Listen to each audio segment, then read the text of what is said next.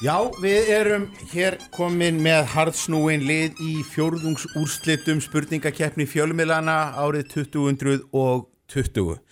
Það er uh, heimamenn, það er uh, útvarstöðin Bilgjan og, og Exið sem að, að, hér er komið. Þið myndu kynna ykkur, drengir? Já, ég er, ég er fyrir Bilguna og heiti Bræði Guðmundsson. Já, og ég er Frosti Lóðarsson frá X-inu 977. Akkurat. Og svo er það fulltrúar morgunblæðsins sem að sátu yfir í fyrstu umferði. Þið myndu kynna ykkur? Já, það er Ragnhildur Þrastadóttir. og Gunnlaugur Snær Ólafsson við bara bjóðum bæði lið hjartanlega velkomin, ég og, og Þráinn Steinsson uh, tæknimaður uh, í þessari skemmtilegu spurningakeppni þar sem er til svo mikils að vinna, ekki bara heiðurinn að, að verða klókasti fjölmiðill almanags ársins heldur fá allir páskaeg frá Nóa Sirius, Sigurvegarar og, og, og Silfurveluna hafar fá hér gjafakort frá Tech og, og Habitat. Út að borða á Barjón sem er þetta búin að vera uh, raða hérna veitingum í, í, í alla þáttakendur og aðgangur að krauma og, og, og, og ja, skemmtipakkin frá stöð 2 ég verði alltaf betri og betri að koma að þessu svona laumulega að þessum óbeinu auglýsingum. En það er til einn að býða uh, fyrirkomulagi hjá okkur eru víksl spurningar eins og uh, naskir áhörendur hafa átt að segja á hér um þessa páskahelgi uh, sem gerir það verkum að við þurfum að fá úr því skorið hvort liðið byrjar og þá er það þetta frábæra útvarsefni þar sem að liði fari steinblad og skæri. Og á þremur. Og það þarf að framlengja. Og það þarf enna að halda áfram. Þetta var mikið störu kefni og útvarsmennir Exið og Bilgjan höfðu betur í því og ríða þar, á, þar með á vaðið. Fyrsta spurning. Útvarsmenn byrja Á þessu ári eru tíu árliðin frá því að alþingi samþykti lög sem bönnuðu fortakslaust fyrir bæri nokkurt. Frumvart þessa efnis hafði nokkurum sinnum verið flutt áður en þegar það var samþykt að lokum var Sif Friðleifstóttir fyrsti fluttingsmæður þess. Rétt um helmingur þingmanna var viðstatur aðkvæðagreðsluna, engin kaus á móti en Átni Jónsson og Ragnæður Elin Árnardóttir sátu hjá. Hvað var bannað með þessum lögum? Já, mm -hmm. það er, já, það er annarkort þetta eða her, ha, hvort ætlaði að sé? Mér, mér finnst þess að sé einmitt akkurat þetta ár. Já, sem, sem hvað, þetta eða þetta? Já, mér sem, sem þetta gerist. Já, uh, það er ekki gott að segja nákvæmlega en Já, ég, Við ég, erum- já, ég held að við séum hana. við erum að vera hana. Já, fáum við svar. Við ætlum að, hérna, að skjóta á, hérna, á súludans, nektar, Nektardans. nektarstripp, Nektardans, þið voru alveg með þetta á, hreinu.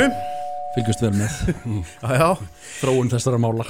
þróum þessara mála. Uh, Morgunblæði, við höldum okkur við bóð og bönn frá árinu 2010. Þetta sama ár var samþygt frumvarp Álfeðar Ingadóttur sem bannaði ungmennum yngri en 18 ára að gera tiltekinn hlut nema uppáskrift læknis um læknisfræðilegan tilgang kemi til.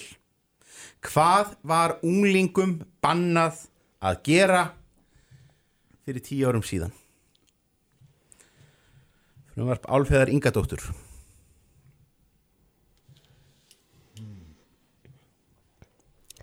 Uh, var það að stunda ljósabekki? og það er hár rétt þessir fjölmilar eru með, með reglurnar og, og alveg, alveg á hreinu, það er, það er mjög gott. Þetta er, er löglíðin spurningakeppni. Uh, útvarsmenn uh, nú, nú þarf að, að, að setja upp uh, hernatól við heyrum í erlendum stjórnmálamanni og spyrjum einfaldlega hver talar hér? Of course, making hope possible is not just about words, it's about action, delivering progress in the here and now, giving a secure home to those without a roof over their head, helping families on the lowest incomes, supporting children at risk of Yeah. going hungry. hvað Er, er þetta ekki örgulega rétt Það er, jú, jú, þetta, Já. er, þetta er hún. Eða hún uh, Nikola Stunson Sturgeon. Nikolas Sturgeon frá Skotlandi, hár rétt, skoski fórsetisráþurann og spurning í sama anda, morgunblæð hlustar á undan, hver mælir hér? In the coming years, we'll be launching the biggest aircraft carriers in our history a new class of hunter killer submarines, new Joint Strike Fighter jets, improved Apache helicopters, a new fleet of drones. And because our independent nuclear deterrent is our ultimate insurance policy, this government Já, will. fáum order- við ágískun við þessu. Já, ég hugsa þetta síðan Cameron Það hefur ekki verið Það er hár rétt, þetta byrja með látum, 2-2, fullt hús stiga. Þetta, það var nú ekki alltaf raunin hér í, í, í, í gær, spurning hvort að, að maður er orðin svona mild yfirvald á fyrsteinum langa. Þriða spurning, Bilgjan, þann 1. ágúst árið 1935, við erum Íslandsögunni, þann 1. ágúst árið 1935 töluðu þeir Hermann Jónasson, fórsetisráðura Íslands, og Kristján tíundi, konungur Danmörkur við. Hvað var merkilegast við þetta samtal þeirra?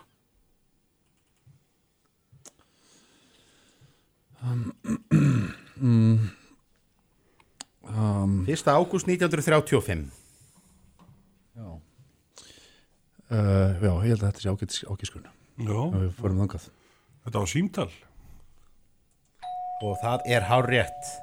Þetta var í gegnum síma, þetta var fyrstu talsíma samskipti Íslands við útlönd.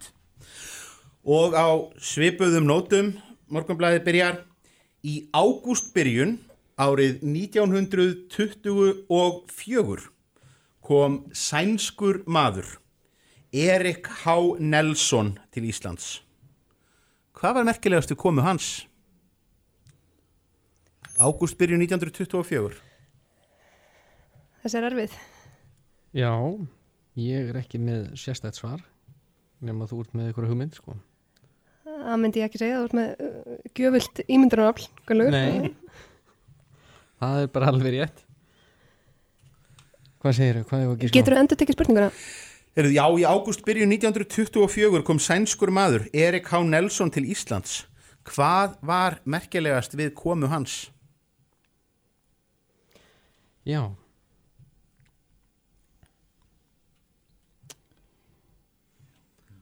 Nú væri Já. vegar gott að fá, nú, fara að fá svar. já, ég uh, er ekki alveg viss en hérna ég hugsa að uh, við segjum að hann hafi komið með flugi Og það er hár rétt. Hann kom fljúandi, þetta var fyrsta flugið yfir, yfir hafið. Uh, þetta, hér, hér eru mögnulið sem að- eigast við. Uh, fjórða víkspurning, Bylgjan og Exið. Við víkjum að vannmettnu menningarfyrirbæri gömlum myndasögum. Í hvaða evrópsku myndasögum sem komu út í íslenskri þýðingu koma við sögu auka personurnar Lárus og Loftur sem eru nautheimskir lögreglumenn og snjalli hundurinn Óskar.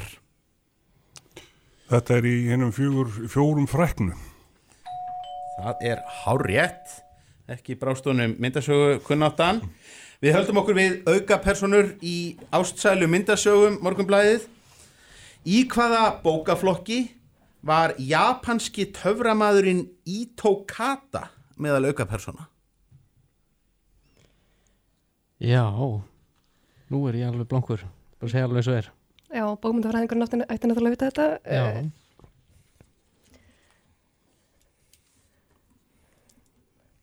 teikni myndasögur, já Ito Kata.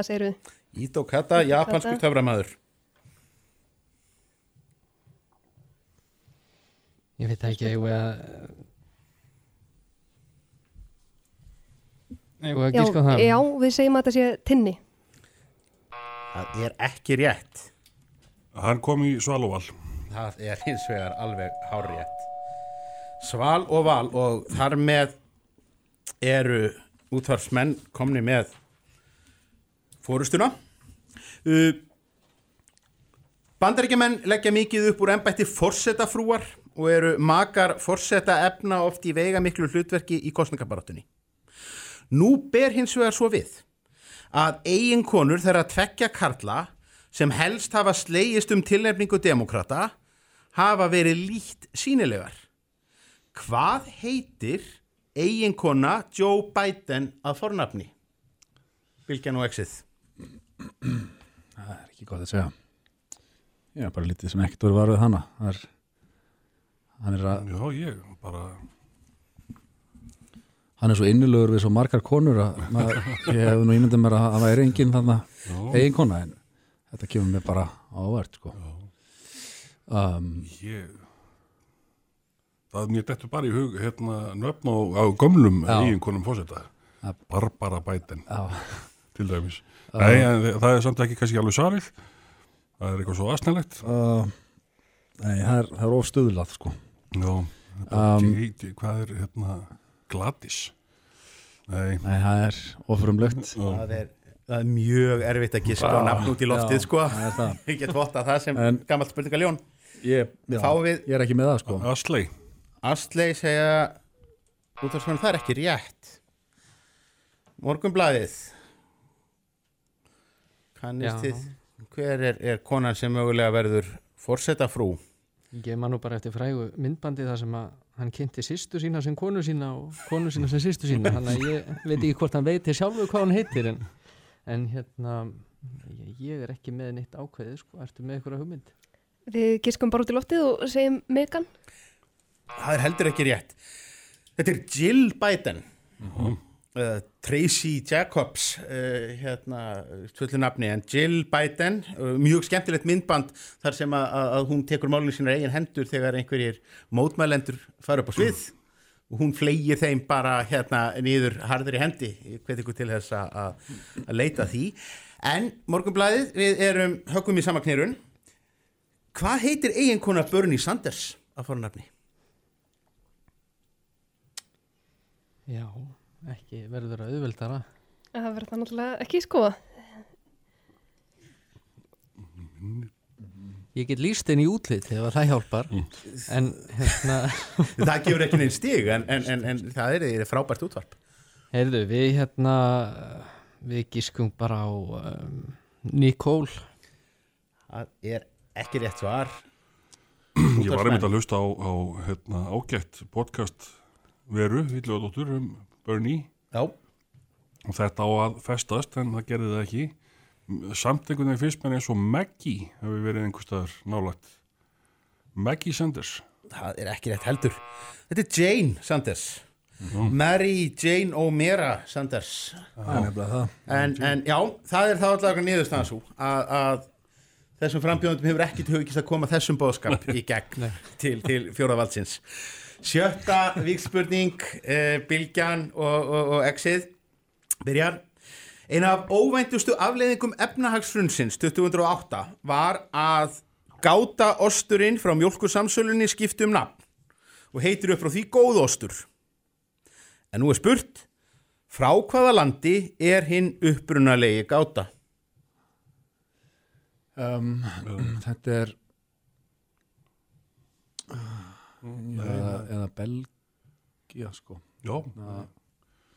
Og því, ef, ef, ef, þú veist það ég, ég er bara tilvíðing hjá mér. Já, ég held að hérna, þetta er annarkvæmt Belgia eða Holland sko. Það er Holland frekar.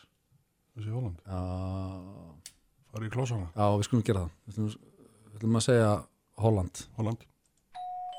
Það var rétt. Ég sé ángist að svipin hérna hjá morgunblæsmönnum sem að voru þetta að sjá fram á voru fannar að sjá fram á stig. En við höldum okkur við fræga Osta morgunblæðið. Havarti osturinn var fundin upp í miða 19. öld af ostagerða konu sem hafði ferðast um halva Evrópu til að nema ostafræði. Havarti er í dag framleitur um allan heim, þar með talið á Íslandi, en hvert er uppruna landið? Þetta hljómar. Ætlar að lefa mig bara að gíska Gjörðu þið svo vel. Já, já, ok. Heyrðu, hérna, eh, Þetta nafn allan að hafa allt í það hljómar rosalega ungverst þannig að ég ætla að segja Unguriland Það er ekki rétt. Já, við vorum konum með það líka heila. Já, já, já. en Það hérna, er, þetta, er, þetta er ekki ítalskur ostur uh, Havarti, nei. En það er hérna þessi pólsk já.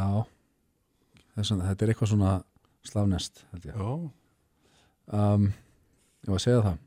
Já skjóta pólst uh, Já, hvað, hvað veist þú með? er eitthvað, er eitthvað, er eitthvað ostur á Tjekklandi Þetta er einhver tekniskur ostur Nú eru þið bara fættir að telja upp nöfn, Já. lönd sem við þekkið Já. sko. Herðu, um, Neymdroppa í landana. Ég veit ekki hvað við segja. Já. Uh, ég, ég þarf ekki að fara. Ef að fara, ef að halda, hvað Póland sem kom Já, fyrst, ég fyrst í held hugan er það ekki bara pólskur Það er alveg kolrámt. Heyrðu þessi mikla hosta gerða kona var hún, hún Hanne Nílsen. Þetta Ó. er bara danst. Já, Þetta er framlag Nákvæmlega. dana til, til heims osta menningarinnar. já, já. En við vikum þá aftur að, að tóndæmum uh, útvarpsmenn á undan sem fyrr við heyrum glefsu úr lægi. Ég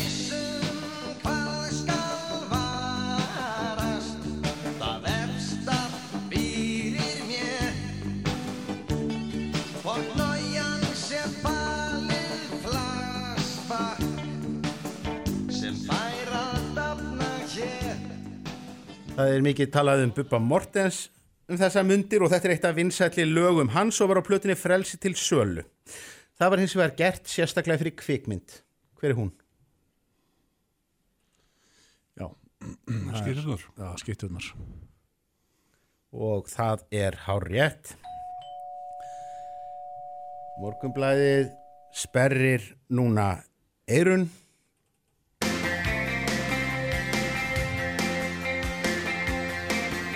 Við augun eru myndir og ég minnist einar þín Í máðum þar og En heyrum við síkilt bubbalag sem var einnig titillag í íslenskri kvikmynd, nána til tekið spennumynd frá nýjönda áratöknum. Hver var hún?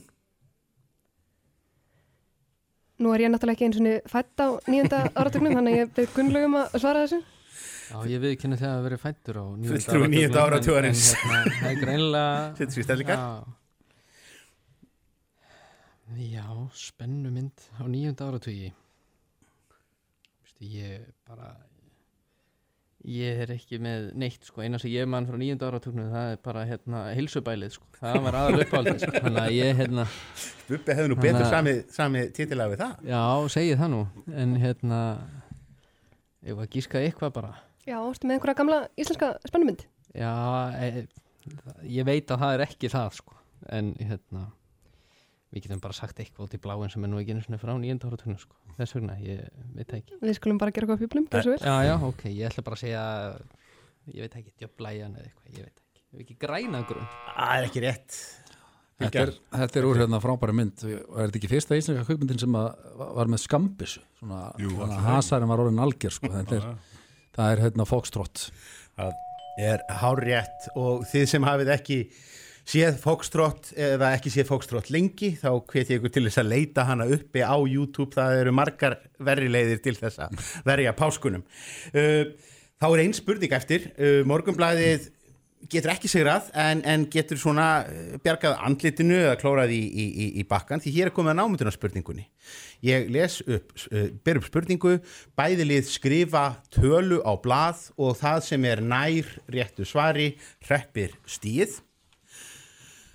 Kínverskur ferðamaður, Vei Lý að nafni, rataði fréttir fyrir á þessu ári þegar hann kom til Íslands með óvenjulegan farangur, óhemjumagn af smámynd. Spurður hvaðan myndin kæmi sagðist að verið tengslu við fyrirtæki sem tækja sér að tæta sundur bíla og oft glemtist smámynd í bifræðunum. En nú er spurt, hversu mörg kíló af íslenskri smámynd, 50 köllum og 100 köllum, var Vei Lý með í farteskinu samkvæmt fréttum? Hversu mörg kíló finnast í bílum sem er verið að tæta í sundur frá hyrðulösum íslenskum bíleigendum ef að marka má þessa sögu? Þá ætla ég að beða liðinum að skrifa tölu á blað. Það er komið og rétta upp. Eitt, tveir og nú. 600 kíló og hvað, 500 kíló 500, já segja bæði, menn hafa mikla trúa á, á þessu, maðurinn þurfti að borga yfirvikt alla leið frá Shanghai og var nú ekki með nema skitin 170 kíló í, í, í farteskinu. En morgunblæðið er sannarlega nær. Uh, en Bilgjan og Exið hafa hér haft uh, sigur af uh, 8-4 við sjáum ykkur aftur uh, hér síðar um páskana. En morgunblæðið getur huggað sér við að hér fá allir páskaegg frá Nova Sirius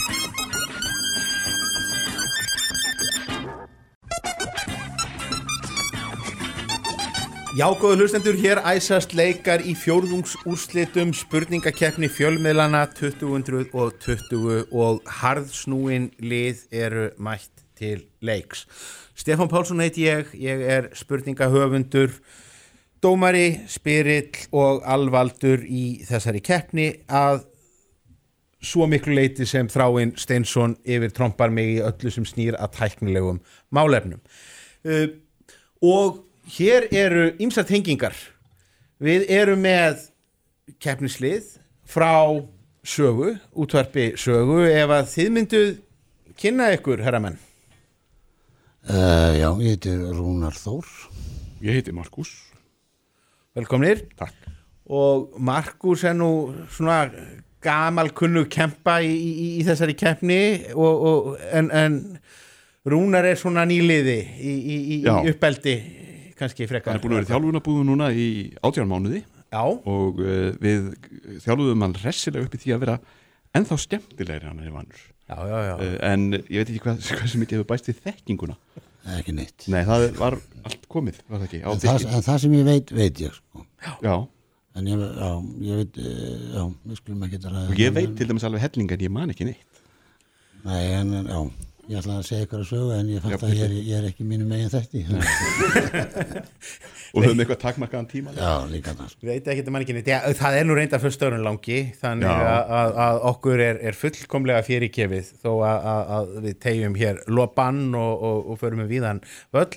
Segjum langar sögur. Segjum langar sögur og við erum sem sagt með keppendur frá útvarpi sögu en svo erum við líka með lið sem kemur bara beint af sögu þar sem eru rít stjórnarskrifstofur bændablaðsins ekki satt. Það passar. Það heiti þið, stúkur. Ég heiti Guðrún Vaka Stengrimsdóttir. Og ég heiti Una Hildardóttir. Ísjöfingur. Velkomin. Ættu frá Ísafyrði. Vissulega. Við ættum verið saman í Hæ liðinu. amma. Ég veit þú ert að hlusta. Hefur við ekki verið saman í liðinu? Nei, ég er of, of tapsárt þess að tapa, þannig að ég ætla Ok. að halda með mig Guðrún í liði.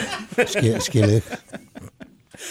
Er, er ekki allir frá að vestan, hvort þið er? Jú, Erum við- flestir, nú- flestir sem skipta máli, jú. Já, Þeir ekki. koma, koma í bæinn Ég er eins mikið að austan og hægt er. til þess að hjálpa til. Já, Það er engar vestfjara tengingar í mínu lífi. Veist ekki að því. Þráinu, þú Nei, eitthvað kannski hlutræður þessu, vestan eða austan eða allt um kring? Nei, ég er bara hér og þaðan. Hérðan og þaðan. Samtíningur. Já. Heru, það, er, það, er, það er ágætt en, og best. en aftur á móti sko, geti sagt stutt að sögja mig sko, ég, mamma mér úr Hrísei og pappi frá Hrísafyrði og ég er alltaf að kalla mig Hrísfyrðing. Þangað til að það er skipt um hnjá mér upp á Akranesi og ég er skagamæður upp á hnjám.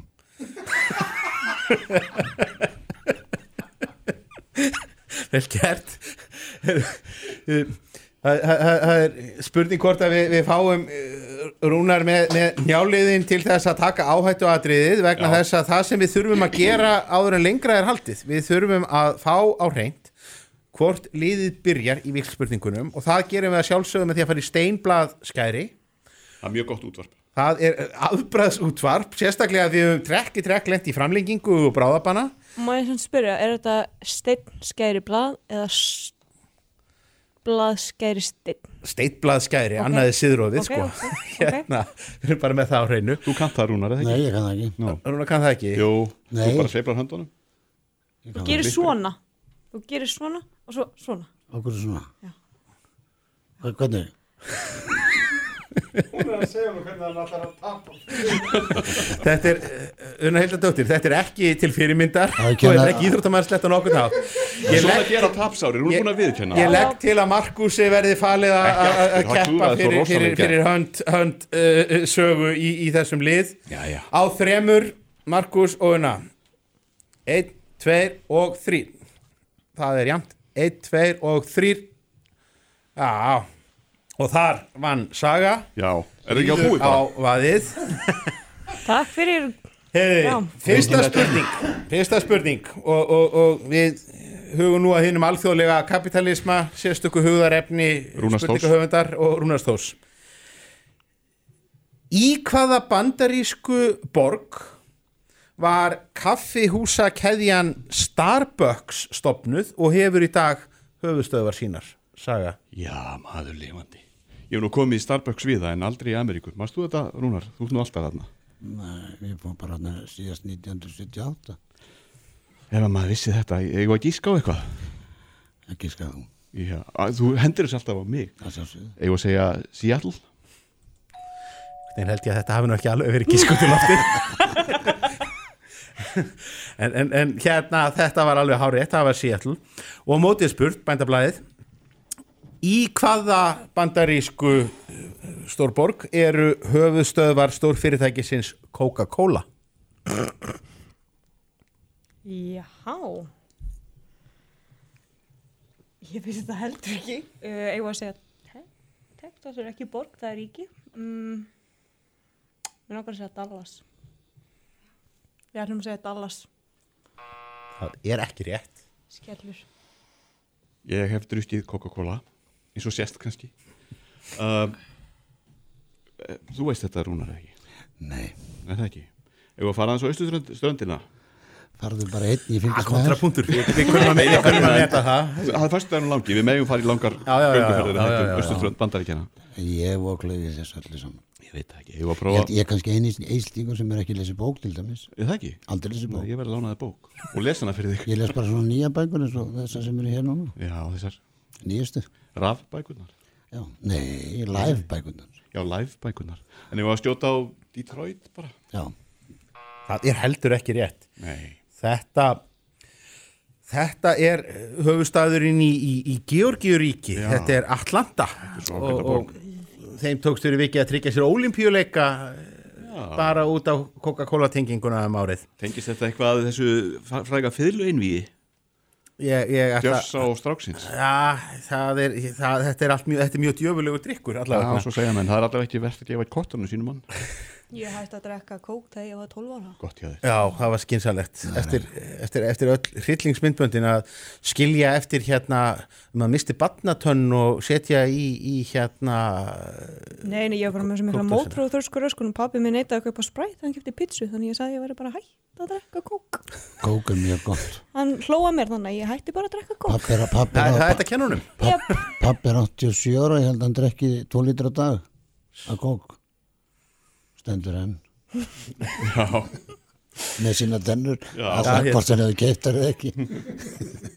Þráin, er, er, er ég að missa tökin á þessum nei þætti? fyrir ég það Höfum heimil á okkur Rúnar.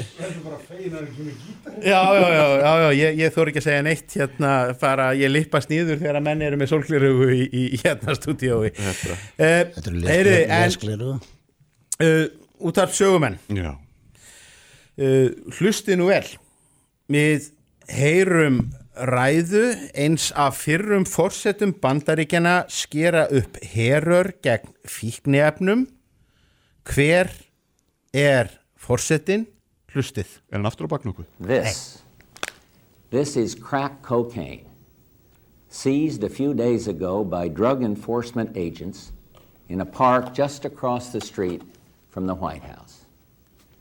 It could easily have been heroin or PCP. It's as innocent looking as candy, but it's turning our cities into battle zones, and it's murdering our children.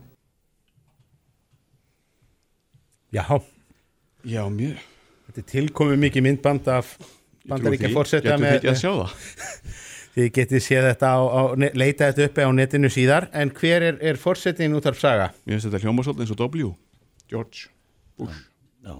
Nepp hér var hér var, var hérna þráin aðeins og, og fljóttur á sér. Ah.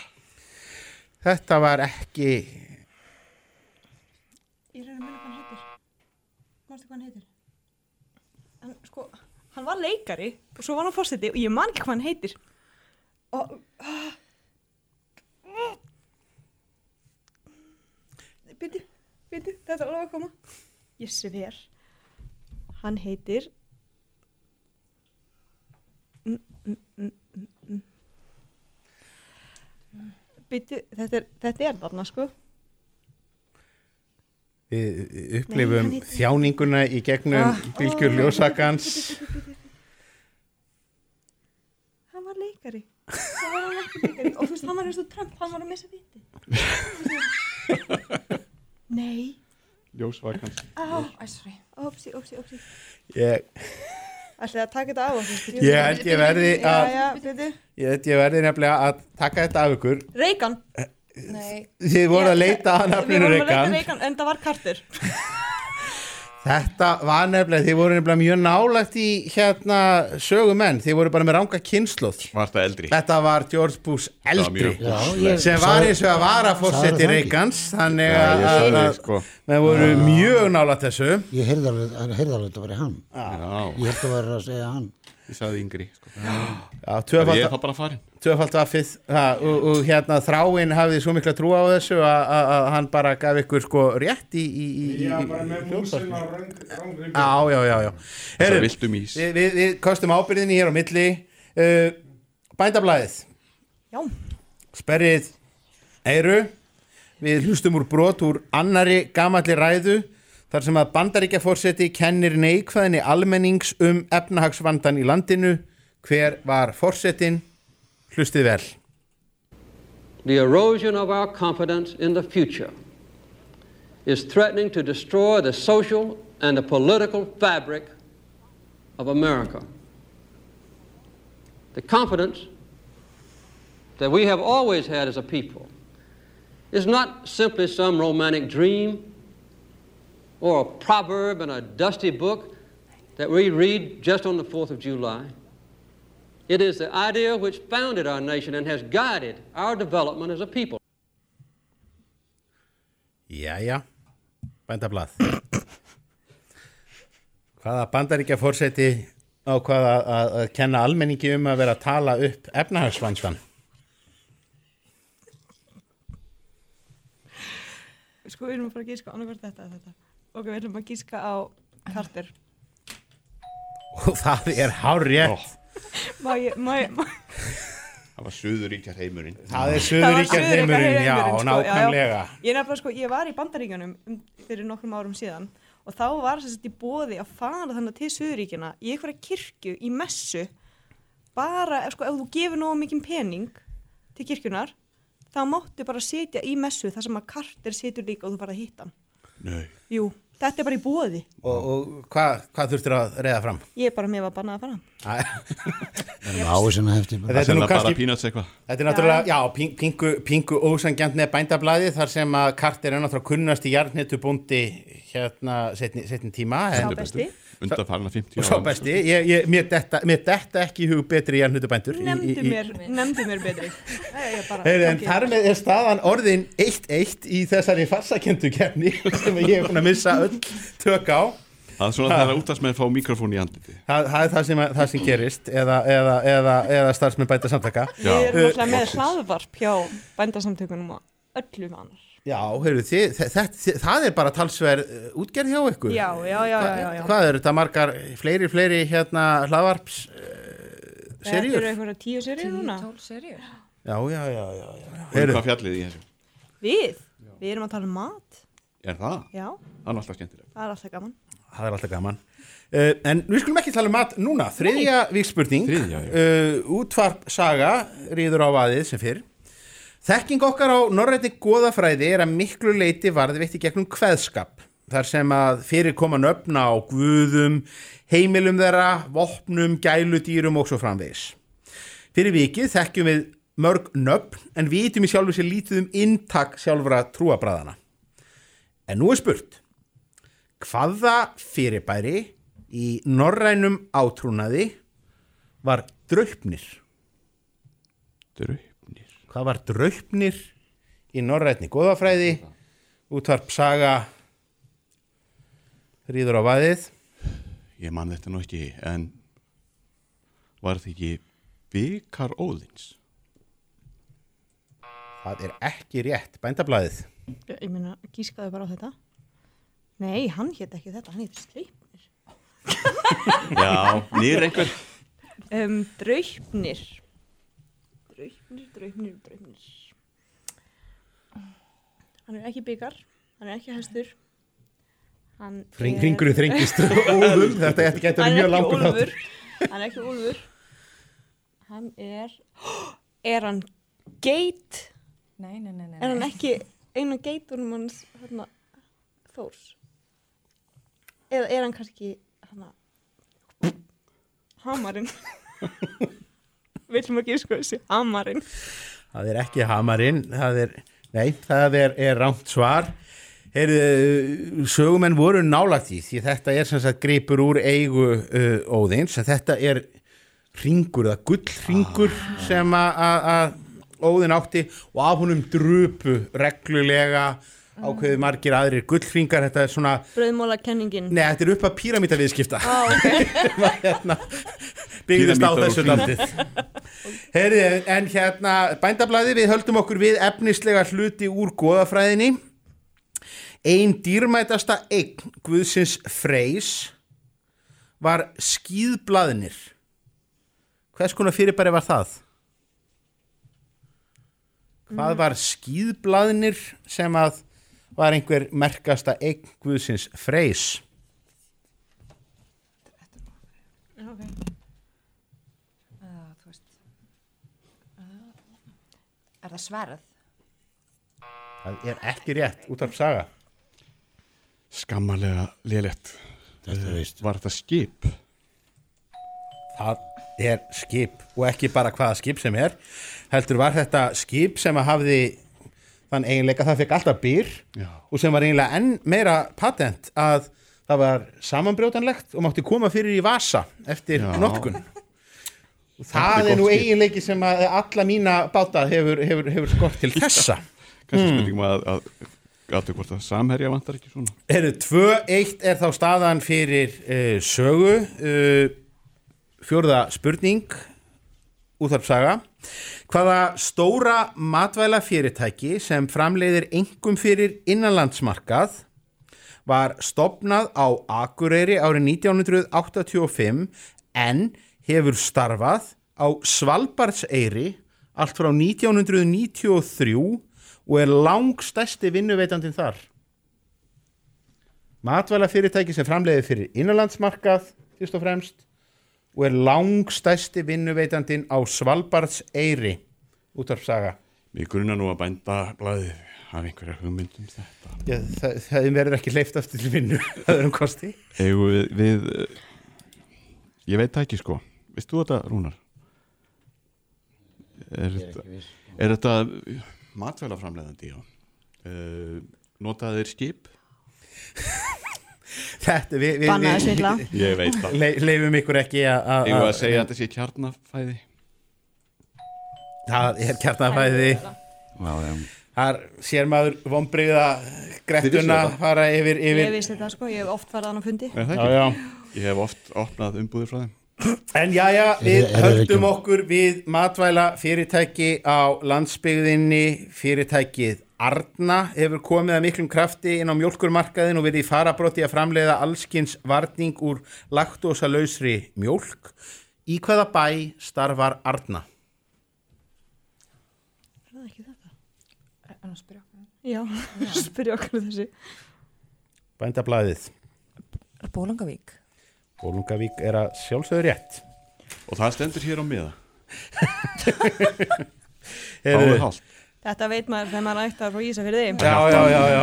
Þetta er eina sem ég hef vitað. Rúnar Þór neitaði samt kategórist að svara spurningum einhverja bólvikinga, enda, eða hvað? Já, nei, víkarnir fínir, þeir komu til Ísafjörður að slást bara oft í Kanada. Já, og höfðu þeir ekki yfirleitt betur? Þeir fóru, svo fóru þeir bara saman á ball, þeir, þeir sem slóist, sko. Komu Með glóðarauga og brotna tenni? Já, komu klukkutíma fyrr og Já. tóku smá sérspö. Þetta er fallegt Já, já, alltaf góði vinnir. Þessir dagar Góði dagar. Hvar hafa dagar lífsmís lit sínum glata Er þið fymta víksl spurning út af saga. Alþjóða flugöllurinn í Lyon í Fraklandi er kendur við Antoine de Saint-Exupéry Saint-Exupéry Exupéry? Ég endur teka þetta, já. Antoine de Saint-Exupéry. Hann var vissulega einna mestu flugköppum Fraklands en þó miklu þekktari fyrir aðra hluti fyrir hvað var hann frægur? Fyrir hvað var Antoine de Saint-Exupéry frægastur sem að alþjóðarfluguturinn Líón er kentur við? Ég Veist þú þetta Rúnar? Nei, ég veit að Líón er ekkert sérstakir í fótbolta. Nei, og hann var þá ekki mjög góður í fótbolta. Uh, Flugkappi uh, Hann var rithöfund Það er rétt. Og hans kunnasta verk var bókin um Littla prinsinn sem að- einmitt. Þannig að við höldum okkur við alþjóða flugvelli með menningarlegar tengingar. Bændablaðið Alþjóða flugvöllurinn í Budapest er kentur við 19. aldar tónskáld sem ungverjar líta á sem sinn mesta listamann Hver var hann?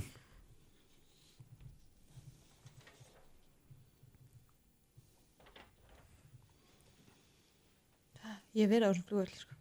Ég veit, nei, ég veit ekki. Hvernig er Budapest? Mjög falleg. Ekki lengur samt. Nei. Fáum við ágiskun frá Bændablaði? Mér langar að segja, á ég, á ég bara gíska eða? Nei, á ég ekki að gíska. segja sannleika. Ok, ég ætla að segja Arvo Pärt. Nei, ok. Það er ekki rétt. Ég var að segja, ég var að prófa Dorsak? Það er heldur ekki rétt. Þetta er Frans Liszt Þetta er Frans Liszt, já. Sem að, að er í miklu metum hjá Rúnar, rún, núna hérna sem að ekki kenna mér um Nei, ég var ekki að kenna þér um það, ég það var bara- enginn ég var að stynja upp nafni þetta, þetta er ekki spurningaþáttur sem að- að að- að bendir og, og, og setur upp sagbittin Nei. augu. Sjötta uh, vikspurning út af saga. Í hvaða sögu Halldórs Lagsnes kemur fyrir auka personan Falur í Eistridal sem byggir hús fyrir Guð en lætur hrossin ganga úti Falur í Eistridal sem byggir hús fyrir Guð en lætur hrossin ganga úti í hvaða, í hvaða skáldsögu Halldór Lagsnes kemur hann fyrir?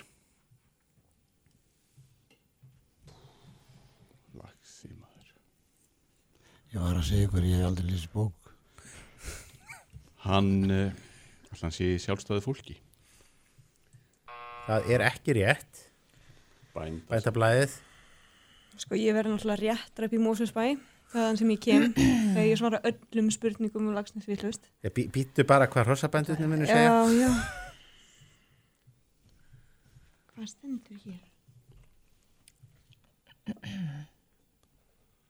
Fáum við svar frá Já, ég var gíska á þetta hérna. Mm, ég myndi helst ekki. Helst ekki gíska? Á ég, ég spyr ef að gíska þetta og segja nei. Jæja, Ok, við ætlum að segja salkavalka. það er ekki rétt. Ok, við myndum heimsljós. Nei, nei, nei, nei, það er jafnri Nei, er þetta er úr, úr atomstöðinni Þetta er falur, er sem sagt faðir uglu falstóttur í, í, í, í atomstöðinni En á sömu nótum bændablaðið. Í hvaða sögu Lagsnes kemur fyrir hið dularfulla tálkvendi Úa sem að sefur í kistu? Kristinn Áld undir jökli. Hárrétt. Og hér er, mikil, hér, hér er stígin Triltur Sigurdans Enda er staðan fjögur þrjú. Saga er með nauma fórustu og líður að lokum. En við heyrum þó fyrst tóndæmi sperrið eirun sögumenn. Við hlustum á söngleikjatónlist. And in the dawn was breaking, and the world was waking. Any dream will do. A crash of drums, a flash of light. My golden coat flew out of sight. The colors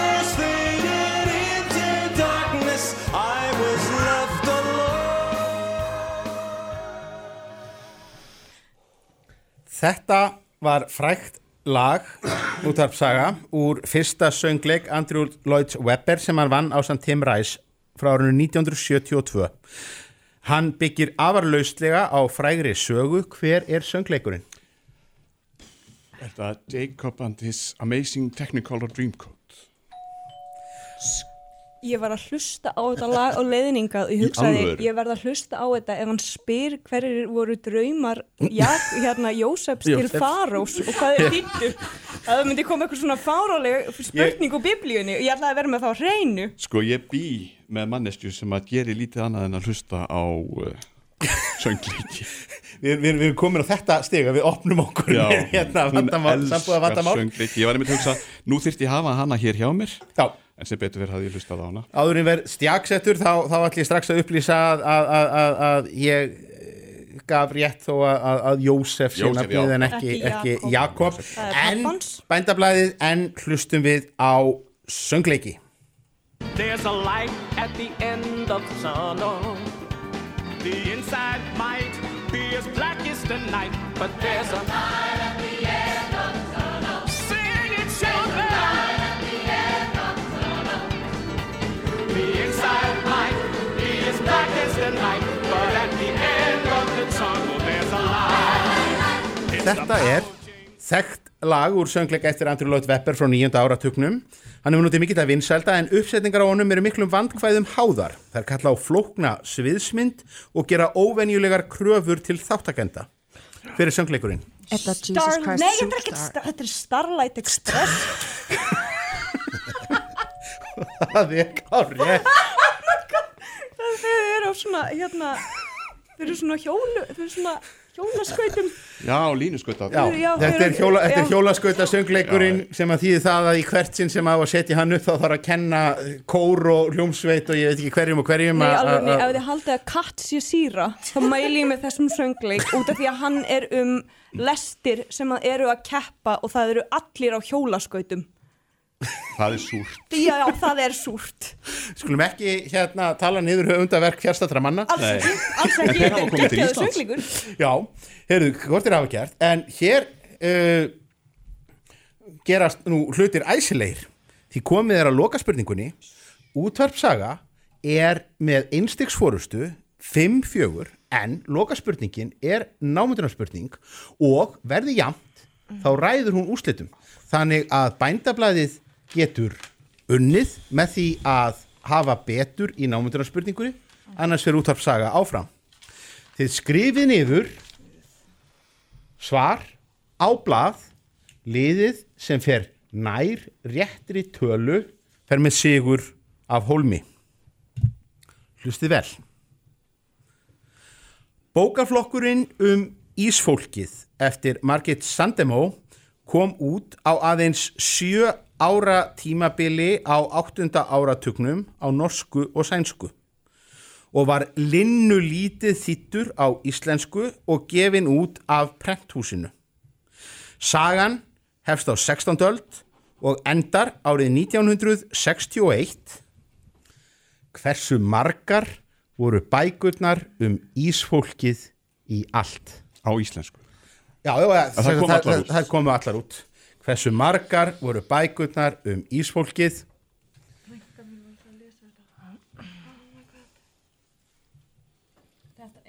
Nú reynir á færnina að koma með mentaða ágiskun Það vill til. og ég vil byggja kappliðin um að skrá svar sitt á blaðið og lifta upp, þetta er, þetta er, þetta er besta útvarsefnin sem til er.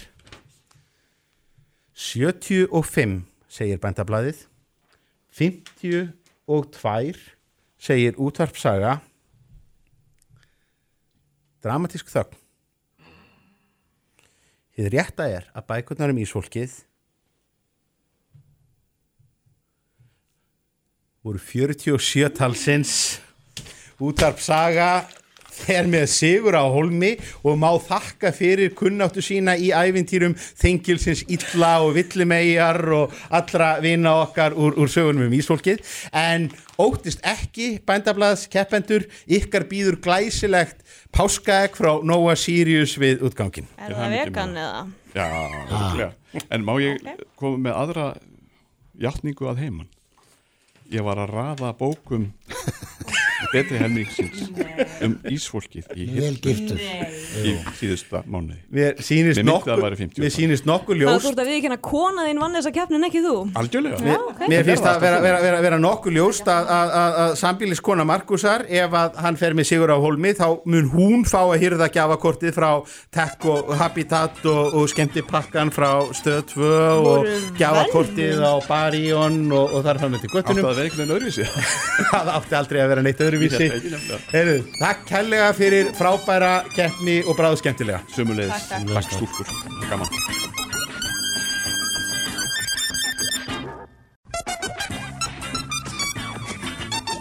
Jæja, lustendur góðir.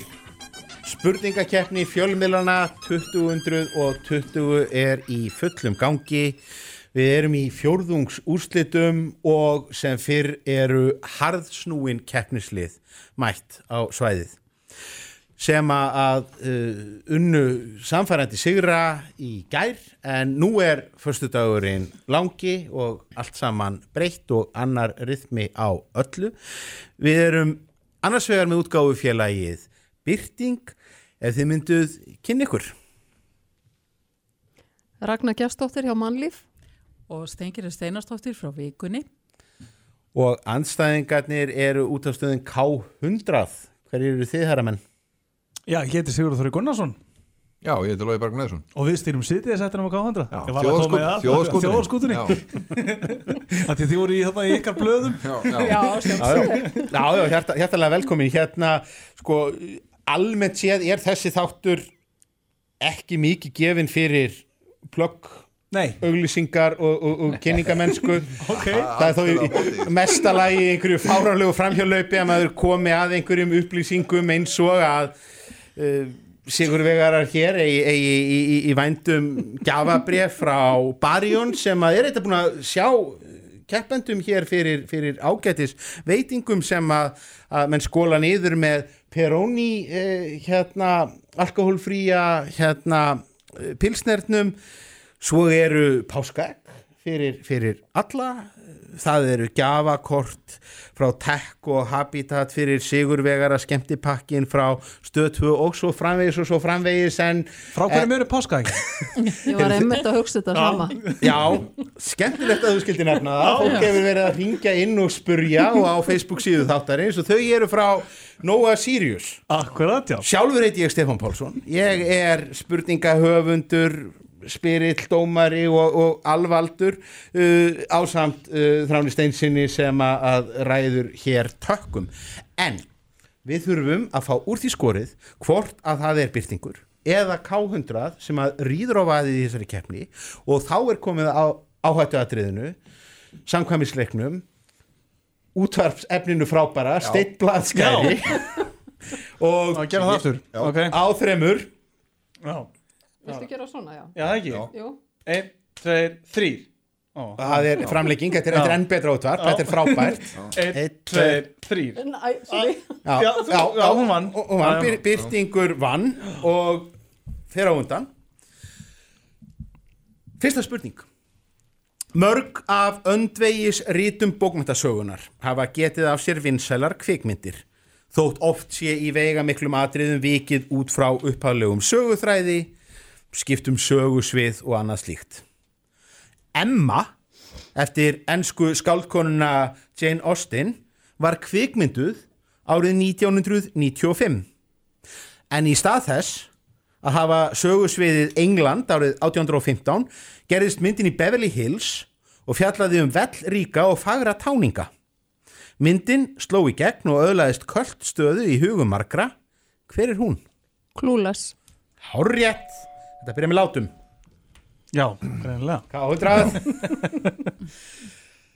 Við erum á sipum slóðum Önnur Jane Austen bók Hróki og hleypidómar uh, Pride and, and Prejudice rataði á kvítatjaldið árið 2001 þá sem romantísk gamanmynd. Sú leið var þó örlítið lengri. Því kvikmyndin byggði á þá nýlegri metsölubók sem aftur hafði verið skrifuð með hróka og hleypidóma að fyrirmynd. Sögusviðið var Lundúnir í samtímanum. Hver er myndin? Uh, Bridget Jones eða ekki bara? Já. Já. Jú, jú, jú, dagbók Bridget Jones, þetta er Helen Fielding þannig að þið sjáu það að, að Jane Austen hefur nú orðið uppspretta ímissa mikilvægra stopnana í, í, í menningar landslægi Vesturlanda. Eitt eitt uh, og byrtingur er alltaf á undan að svara. Við heyrum nú tóndæmi þannig að þá er gott að grípa til erðnþólana og við hlýðum á megasarlag þó ekki í flutningi meistarans sjálfs hlustið Eins og hamar ótt á steðja upp á þakki regnið bílur en í þínu þæga tári þar er gleði byrta ílu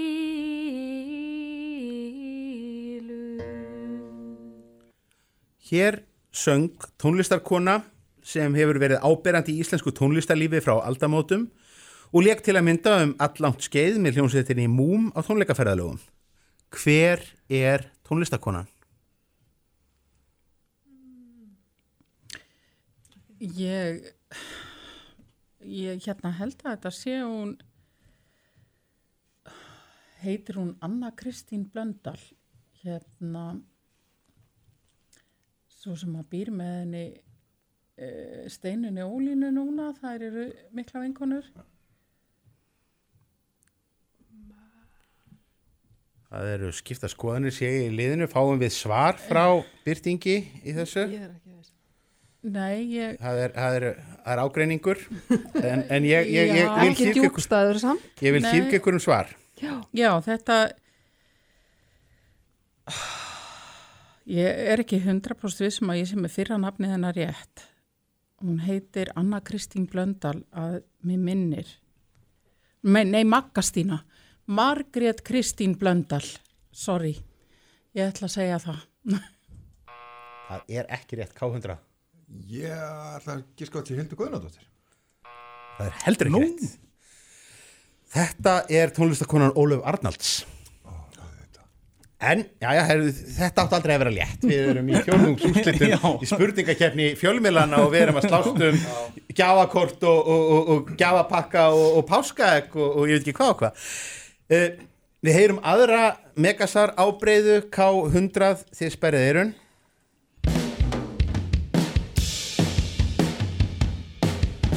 Sitjandi krákur þar svelta Segja þeir sem vita gest Og þeir eru fullega líka Feimnislaust að þær sem fljúi Þrýfist best. Og það er augljóst Segja þeir og það ætti hver maður að sjá. En maður bær sig eftir björginni En maður bær sig eftir björginni En maður bær sig eftir björginni. Þó bætir hann mættiði við sem vandar upp á. Já, hér spilaði K100, hér spilaði Kröftu Rocksveit sem þekktir fyrir punkskotin lög, nýttna íslenska texta og líflega sviðsframkomu. Og þetta var alls ekki fyrsta megasalægið sem hljómsveitin hefur leikið. Hvert er bandið? Reykjavík. Það er ekki rétt. Fáum við ágjöskun frá Byrtingi. Já, Ragnar er með svar ég ætla bara að fylgja því fyrir að ég er alveg tóm Ætlum að giska bara á pöngkolm. Ekki heldur. Heyrðu, þetta er þetta er grísalappa lýsa. Já. Við hérna Er það ekki á playlistanum mikið? Já, Það er ekki mikið á K100, nei. Nei, Nei. nei, Við, ég, ná, ég náði samt að spila nógu langan bút til að þeir fá stefgjöld frá Já, þessum já. þætti. Þetta var, alveg, alveg, alveg útpælt Já. Já, hmm. Ég held að sé að hætta mér að segja þannig að Já, já, heyrði, en hérna þá ha- hafa menn einhver, einhver, einhver hérna, Já, góð. það, er- það er nú ágætt uh, Þriðja víkspurning byrtingur alltaf aðeins á undan Við snúum okkur að íslenskri pólitík Hvaða stjórnmálaflokkur íslenskur er með ungliðarhefingu sem nefnist uppreist Uppreist er nafn á ungliðarhefingu íslensks stjórnmálaflokks Hver er hann?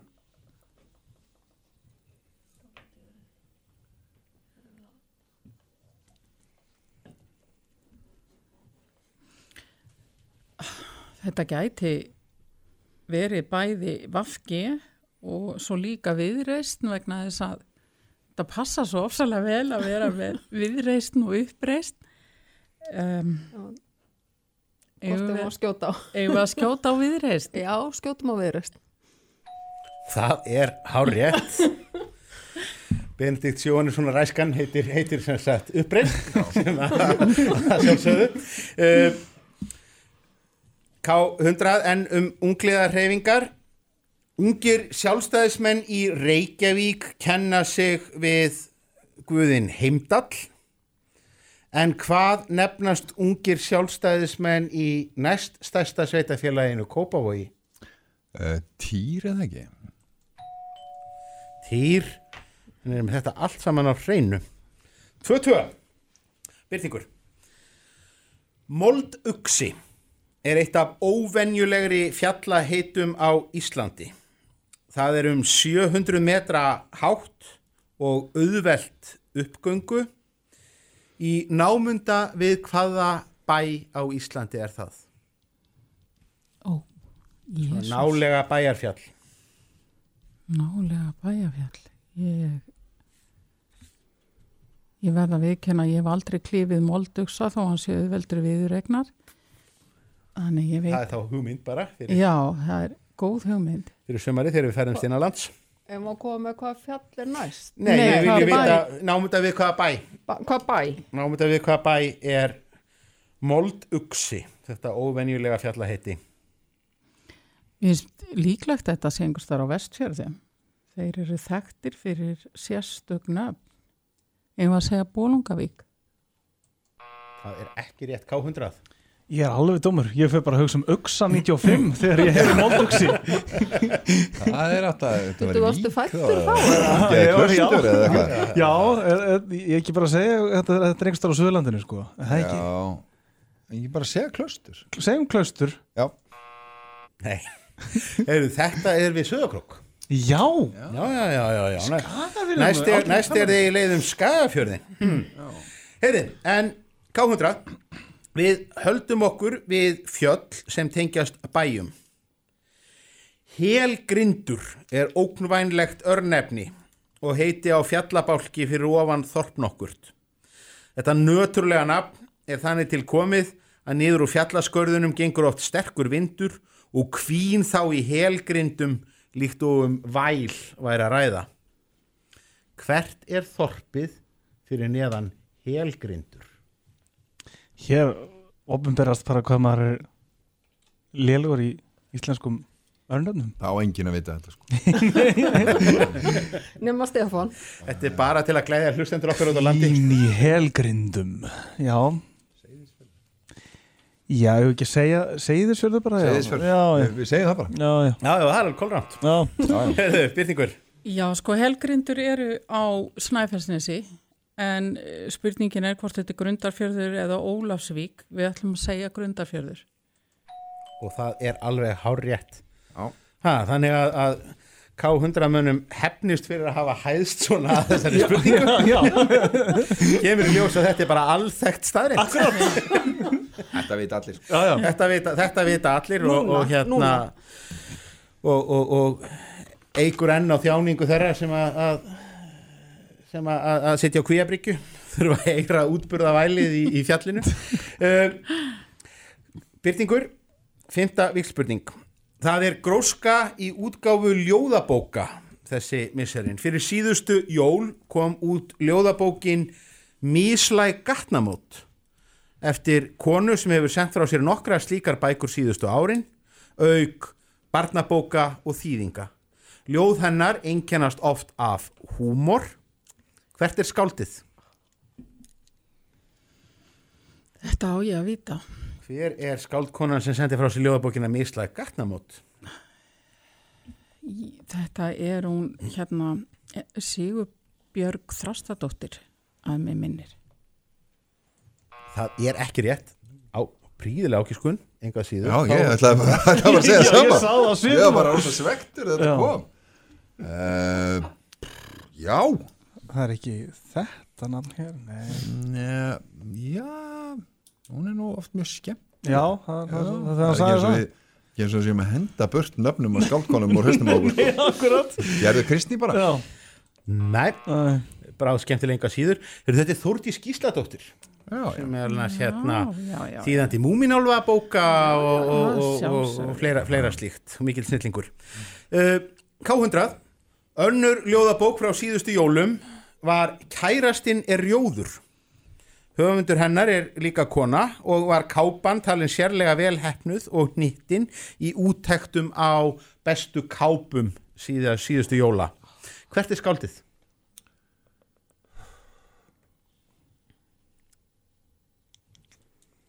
Ég er alveg farin.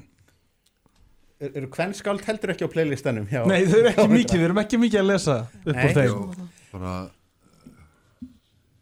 keft svo marga ljóðabækur alveg nýlega Nei, nei. Það er bara bara að segja sig upp í þarstóttir ekki bara Bara skemmtilegt, já. já, bara Já. enda í það Já. Það er alveg kólránt. Sko, ég las þessa bók og á hana heima og var mjög hrifin af henni en svo er þetta, maður þegar að gleyma mannanöfnum þegar maður ekki fyrir við færtur, þetta er alveg aðalega en ég ætla að giska á að þetta hafi verið Kristín Eiríksdóttir en ég hef samt á tilfinninguna að það sé ránt. Þú veist ekki það var neina tilfinningu með því, það er bara alveg hárrétt og þetta er einstaklega, getur ekki tekið undir með mér, þetta er afskaplega skemmtilega Alveg kápa. svakalega skemmtileg kápa. Er mjög, kærastinn er mjög rjóður. Já, og ljóðin eru ekki síðri, sko, þannig að ef þið hafið áhuga á ljóðum þá mæli ég með þessari bók. Já. Það er, er hefnist mönnum fyrir... Er opið í ykkur bókabúðu? Kemur bara við hjá Stengjörð og farðan að lána Það eru, heim, eru heimsendingar á þessu öllu á síðustu og verstu tímum. Fyrst að það var langi, það eru ekki opið. Sjötta víkslspurning, byrtingur, uh, ríður á vaðið. Fyrr á þessari öld kom mentamálaráðuneytið að því á samt fleiri aðilum að velja þjóðarblóm Íslendinga í eitt skipti fyrir öll. Hvaða blóm var fyrir valinu? Það var Holtasólei að Ítlu heitli. Já, já, Hér ég... eru sleggjur bara. Já, já, ég vildi fá allt annað blóm í þetta. En er, er við, verð víst að sætta mig við þetta. við fáum rétt svar á þetta. Bara, bara fyrir forvitni sakir, hvað, hvað hefði verið til, til... Ég hefði viljað taka eirarósina. Af því að hún er svo skemmtileg og hún hefur vestræna útbreyðslu og þar að leiðandi svolítið sérstök fyrir Ísland og ferðamenn sem koma frá Evrópu, þeir sækja mjög í að fá að skoða hana af því að þeir hafa ekki séð þetta blóm áður. Við svörum eirarós í næstu spurningu Hann ákvaða. Komdu samt með hana Hafið þið- hafið þið eftirleitis blóm í þessu félagar? Nei, ég er bara mjög státtu við sólei. Já, já, Heyriði, en uh, K100 fær spurningu. Nokkru fyrr höfðu landvernd náttúrufræðistofnun og fleiri aðilar enn til mikillar kostningar um þjóðarfjall Íslands Hvaða fjall var valið þjóðarfjall Íslands hér í byrjun aldarinnar? Ég hef aldrei heyrt talað um þjóðarfjall aldrei? Íslands. Aldrei, Nei. En þú? Eh, Nei Ég er bara þjóðarblómiðar. sem, sem gerir einhver afleita Íslendinga Já, en, en, gott og vel, gott og vel Þjóðarfjallið okkar maður, já, ég hef aldrei, hafið þið heyrt þessu mikið flengt, já, var á þjóðarfjallið. Já, þjóðarfjallið maður Já, þjóðarfjallið, ég var að ganga á þjóðarfjallið. Er það ekki Er það bara- öravægjökull eða, henn er bara stærstur. Nei, það er ekki þjóðar. Er það ekki Jú, svona það er eitthvað að það Já. við ætlum að segja það Já, auðvitað. og það er hár rétt Bara um leið og sagði herðubrið Já, já, auðvitað, auðvitað með þetta Já, já. Uh, Það er Og, ekki- og, og svo niðurstaða sömu reyði fá þeir alltaf léttara spurningar? Það Það er nú enga það var síður- engin eftir stóra og holta svo leið Enga síður hefur nú, hefur nú byrtingur nokkra fórust í þessari keppni staðan er 5-3 en nú er komið að tóndæmi byrtingur er á undan sem fyrr við heyrum bút úr ræðu fræks einstaklings úr mannkinsögunni hlustuð vel या तो यहूदियों की सिनेगॉग है या तो ख्रिस्तियों का गिरजाघर है और या तो सिखों का गुरुद्वारा है और सबकी रक्षा और सबके लिए आदर इतना ही होगा जितना हिंदुओं का मंदिर है उसका और वहाँ भी जो जंगली माने जाते हैं उनके लिए भी इतनी ही जगह Ræða þessari var flutt á þjóðtungu mannsins sem um er spurt. Hann lést árið 1948. Hver var maðurinn? Er þetta ekki Gandhi? Gandhi er hárrétt svar. Okkur var það alltaf léttu spurningar Á, ánaður með að það sé hlaupið keppniskap í, í, í, í liðið. Ég minni á að það eru ljúfeng páskaegg frá Nóa Sirius Já. í bóði fyrir... Heyriði, eh, K100 menn sperrið eirun, aftur heyrum við ræðustúf. Esa ola ya no parará más.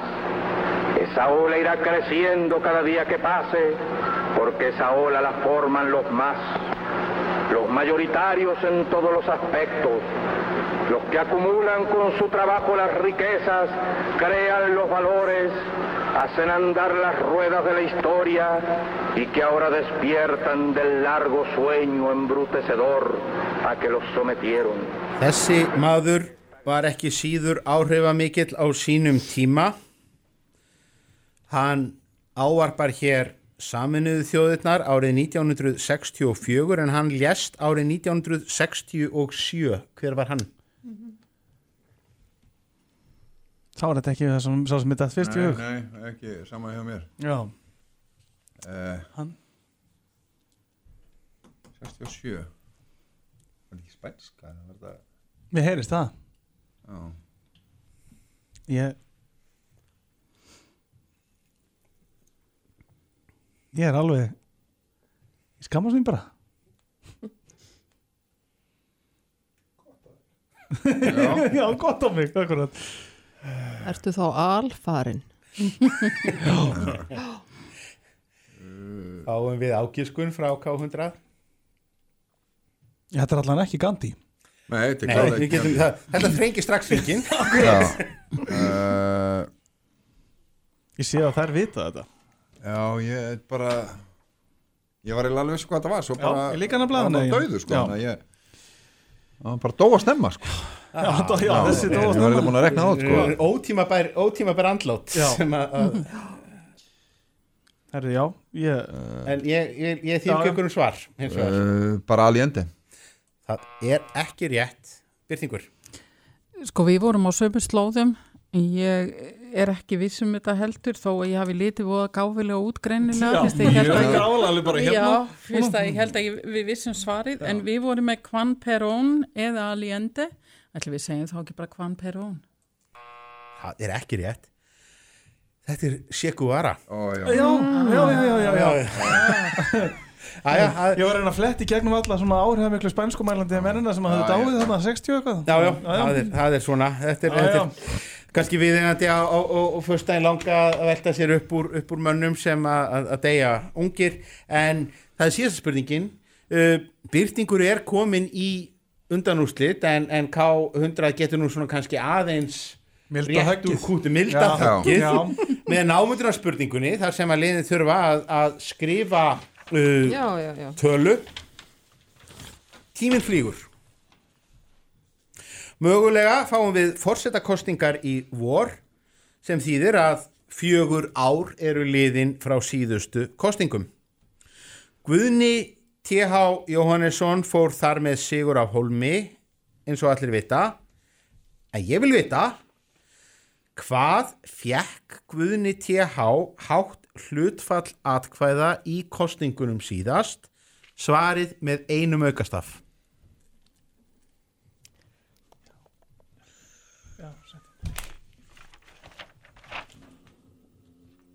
Og hér eru svör að fæðast og þá vil ég byggja ykkur um að lifta upp blöðunum. 38,5% segir uh, segir K100 og 40,2% segir byrtingur svarið liggur nokkuð neginn mitt á milli 39,1 K100 er þó sjónarmun nær Höggið og klórar aðeins í bakkan við þökkum ykkur kærlega fyrir þáttökuna og byrting sjáum við hér síðar í, í, um, um páskahelgina. Takk fyrir. Hvað er þetta með nú á páskahelgin? Þið Sláist um það að við liðið hérna frammi. Passið þó tvekja metra reglu Já, já, takk, takk, takk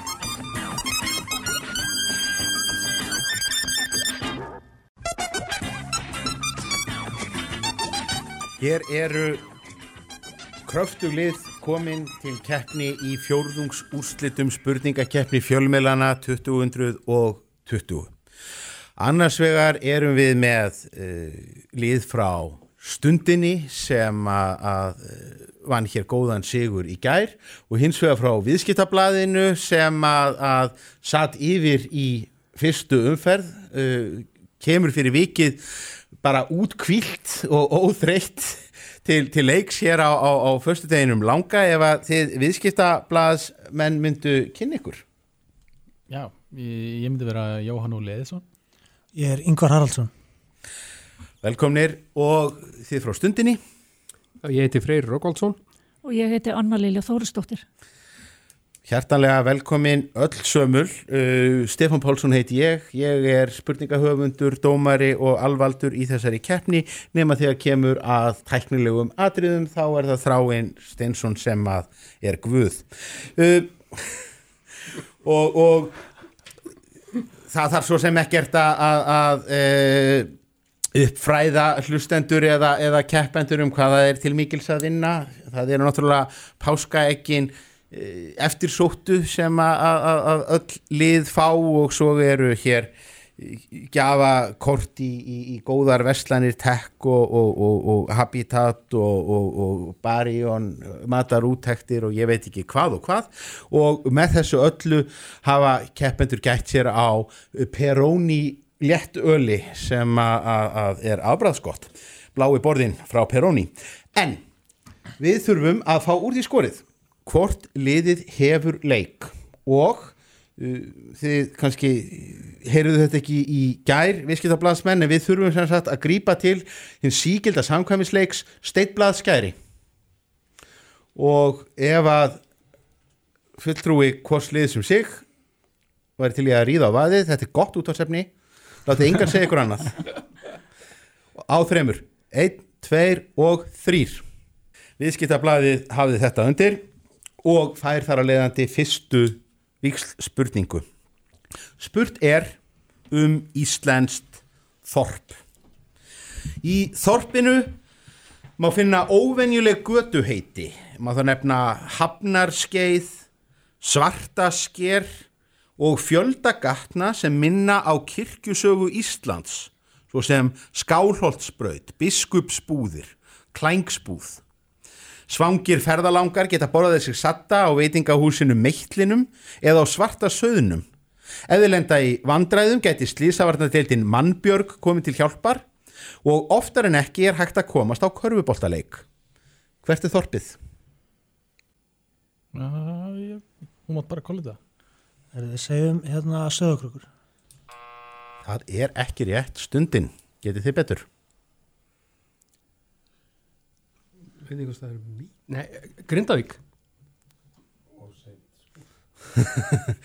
Heru, það er ekki Grindavík heldur. Þetta er líka rámt svar. Uh, Viðskiptablasmenn voru mjög nála þessu. Það var þólagsöfn. Og hérna aftur, stundin er þá á komin í, í, í, í bílstjórasætið, aftur er spurt um Þorp á Íslandi. Þar má finna götuna Snoppuveg á Hafnarsvæðinu en líka Gilsbakka, Skálholt og mér að segja Bankastræti. Þar eru veitingahúsin Sker og Raun og kaffihúsið Kaldalækur. Slísavarnadeildin nefnist Sumargjöf og sögu áhuga fólk getur skemmt sér við að skoða Pakkhúsið, heillegt verslunarhús frá 19. öld. Íbúarþorpsins eru hins vegar kunnir fyrir afreg á knattspinnsviðinu. Hvert er þorpið? Já, það ekki. Stundin. Ólarsfjörður. Það er ekki rétt. Við ætlum að reyna bara Ólarsvík. Það er hins vegar rétt.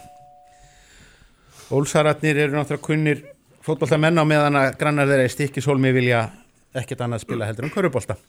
Uh, önnur spurning, viðskiptablaðið er á undan sem fyrr við heyrum lagstúf.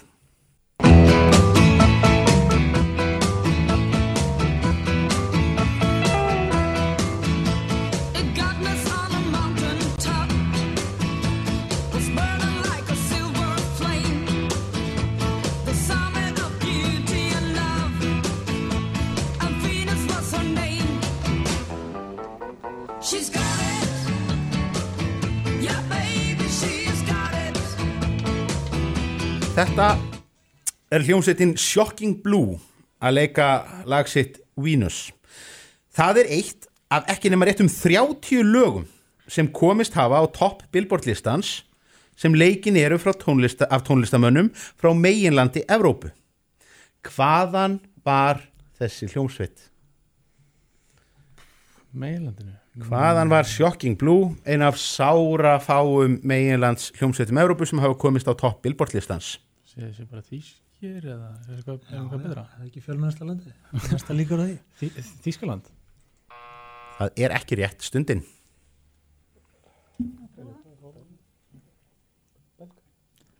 Belgíu. Nei, við, við nýtuðu hér umhverfið setta landið. Þetta er hollensk sveit. En aftur hlustum við og stundin kannski með aðeins meiri aðtekli að lagum til að byrja með. Dominique et Nique Nique s'en allaient tout simplement routier, pauvre et chantant. En tout chemin, en tout lieu, il ne parle que du bon Dieu, il ne parle que du bon Dieu. Og við höldum okkur við þennan þrönga hóp evrópsku lög sem hafa komist á topp billboardlistans. Það gerði þetta lag árið 1963 í flutningi Syngjandi nunnunar. Frá hvaða landi var hún? Já, annarkvort. Steldur þú? Belgíu. Og það er rétt. Eitt eitt, þetta er æsispennandi og nýfjamt viðskiptablaðið. Halldór Lagsnes var kunnastur sem rítöfundur en árið 1943 lendi hann ásand fleiri mönnum á Sakamannabekk. Það sem honum var gefið að sög myndi reyndar ekki vera talið sérlega alvarlegt í dag og jafnvel lofsvert frekar en hitt. Haldur og félagar voru að lokum síknaðir í hæstarétti þann 9. júni sama ár. Hvað var þeim gefið að sög? Þetta var útgáfa á Rappkjelsögu Freyskoða sem sagt á uppfæriðu máli. Það er hár rétt. Gá út Íslendingasögurnar með nútíma stafsetningu sem hafa talið lögbrot og, og, og hérna ósvinna en, en blessunarlega voru þeir síknaður af því. Stundin, við höldum okkur við skrítin sagamál á fyrir hluta 20. aldar. Heimspekingurinn og stjórnmálaleitóin Brynjólfur Bjarnason var dæmdur árið 1925 fyrir afbrot sem aðeins örfáir Íslendingar hafi verið kærðir fyrir og enn færri dæmdir, að minnsta kosti í setjum tíð. Hvert var afbrotið?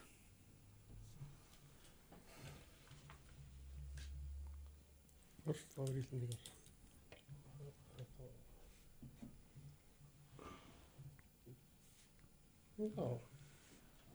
Er ekki skada? Guðlöst. Guðlast er hár rétt. Það var fyrir rítdómum um breyf til Láru. Uh, fjórða vikspurning viðskiptablaðið. Hvaða bílaframleiðandi sendir meðal annars frá sér útgáfutnar Sorrento, Stinger og Niro. Já. Það er Kia. Það er hár rétt. Menn eru með menn eru með bílanúmerin á hreinu þarna í sama dúr stundin. Hvaða bílaframleiðandi selur undir tegundirnar Crossland X, Grandland X, Karl og rafmaksbílin Ampera E?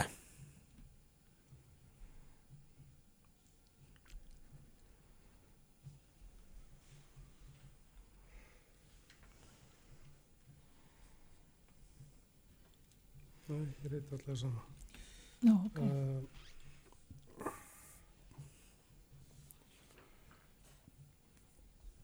Crossland X, Grandland X, Karl og rafmaksbílin Ampera E eða Ampera I. það sé ekki rétt reyndar, en Giskum þetta. er þetta er þetta róver, landróver? Það er ekki rétt viðskiptablaðið. Ég ætlaði bara að flega Jaguar hann út. Það er heldur ekki rétt. Þetta er þíski bílaframleiðandinn Opel. Opel Ampera I. Uh, fymta vílspurning uh, viðskiptablaðið. Egiptar til forna höfðu marga guði. Eitt sá mikilvægasti var Hórus sem var guð konunga og einnig guð heiminsins. Líkt og svo margir egipskir guðir hafði hann ekki mannshöfuð. Heldur höfuð hvaða skeppnu?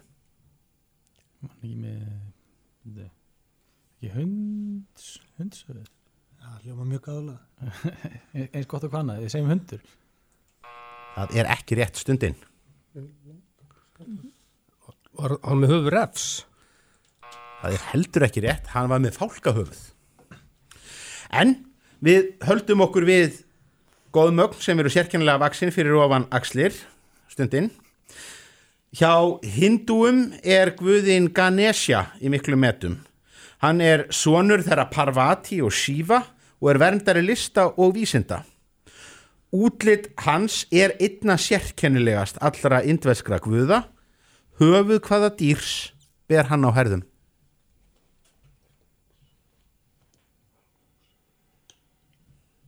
Hann með uksahöfuð. Það er ekki rétt, viðskiptablaðið. Má prófa fílsöfuð Það er hins vegar rétt. Þetta er, þetta er mjög, mjög krútlegt góðmagn og, og hérna svona ef, ef þið eruð að leita ykkur að eftirlætis hindúaguði þá, þá mæl ég sterklega með Ganesha. Uh, Viðskiptablaðið hefur náð nokkur í fórustu, staðan er fjögur tvö en það eru nú nokkur stig eftir í pottinum. Viðskiptablaðið svarar á undan sem fyrr, spurt er um eigu. Hún er rétt rúmlega 3000 ferkilometrar ef taldar eru með nokkrar aðlikjandi smáeigjar. Íbúarnir eru um 60.000 og lifa meðal annars á ferðamannæðinaði, auk þess sem þar er umfangsmikið grjótnám, engum á kalksteini. Höfuðstaðurinn heitir Visby og hafa eigaskeggjar sína eigin mállísku sem er talsvert frábrúðin ríkistungumálinu. Hver er eigan?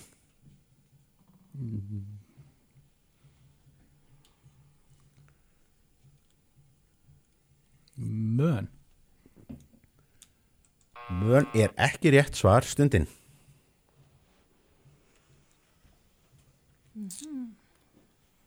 Grjótnám og ferðamennska. Já. 60.000 íbúar og höfuðstaðurinn Visby en nú væri gott að fá svar frá Höfum við ekki nógan tíma? þetta er fyrstu dagurinn langi vissulega. Við erum ekkert að flýta okkur. það er engin að flýta sér í dag. En kannski óþarf að auka á þjáningu hlustenda. Nei, veist, ég veit þetta ekki. en nú ég fáum við enga ágiskun frá stundinni. Nei, nei. Nei, heyrðu, þetta er sænska eigin Gotland. En við spyrjum um aðra eigu það er ekki áhyggjur uh, hún hefur meira pólitískt sjálfstæði en Gotland sem að tala var um í síðustu spurningu en er mun minni rétt um 500 ferkilometrar höfustafurinn er Douglas og lítill hluti talar enn hinn að fornu tungu eigarinnar þótt lang flestir notist raunar við tungu fjölmennrar nágranna þjóðar Atvinnulífið snýst að miklu leiti um fjármálaþjónustu en það er líka miðstöð fyrir geimferðir enga aðeila. Hver er eigin?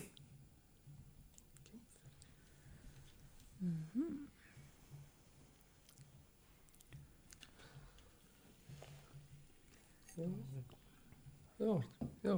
Við giskum á Guernsey. Það er ekki rétt. Það var að Jersey næst. Nei, þið hefðu betur endur unnið svarið ykkur Mön. áðan með, með mön. Þetta er eigin mön á Írlandshafi og þar eru sem sagt engar eginn geimferðarfyrirtæki með höfustöðar. Þannig að, að skriljónamæringar sem að vilja brenna upp peningunum sínum þeir fara þangað í stórum stíl. Uh, sjöunda spurning, vikspurning, það er aftur tóndæmi, hlusti vel viðskiptamenn, við heyrum upphafstef.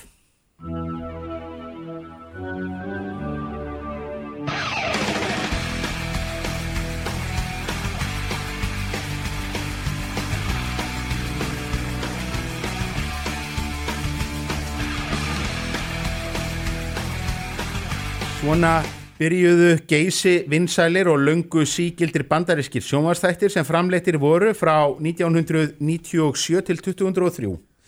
Þættirnir fjallaði um sterka kvennpersonu og gerðu aðaleikonuna að stórstjörnu.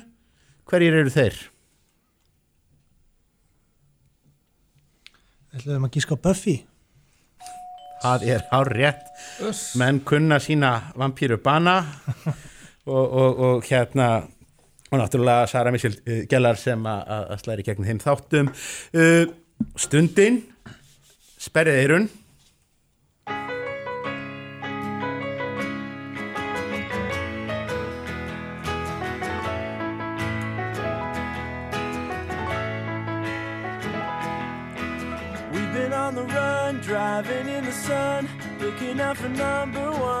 Þetta var upphafslag þáttar sem gerði voru á árunum 2003 til 2007 gerast í Orange County í Kaliforníu í þáttunum er fylgst með dramatísku lífi og raunum gullfallegra og vellríkra táninga. táninga. Þráttur í fegurðina og ríkidæmi þá áttu þættin að heita ádæla á efnishyggju og yfirborðsmennsku. Hverjir eru þeir? Þetta, já, hvað? Mm, já, það ekki. OC. Það er hárjætt og OC var náttúrulega stýtting á Orange County sem að kom fyrir í, í vísbendingunni. Heyrðu, þetta er og þá er komið að síðustu spurningunni. Það er ekkert leynd að mála að viðskiptablaðið er nú búið að hafa sigur á hólmi hér í þessari keppni en stundin getur hins vegar uh, bjargað andlitinu með því að hafa námundunar spurninguna rétta. Liðið þurfa bæði að vera tilbúin með blað, skrifa tölu á blaðið og það lið sem er nær réttu svari fær stíið. Bjarni Benediktsson er ekki sá fórsetisráþara íslenskur sem skemst hefur setið í embætti. Hann er hins vegar eini fórsetisráþaran frá því að ríkisjónvarpið hóf göngu sína sem náði því ekki að flytja ávarp á gamlástag hversu marga daga satt Bjarni Benediktsson í embætti fórsetisráðara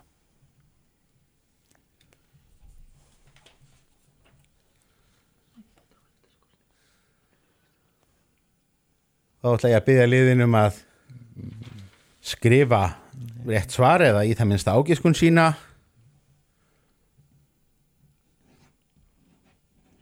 Og lifta upp svarblöðunum núna. 150 segir stundin.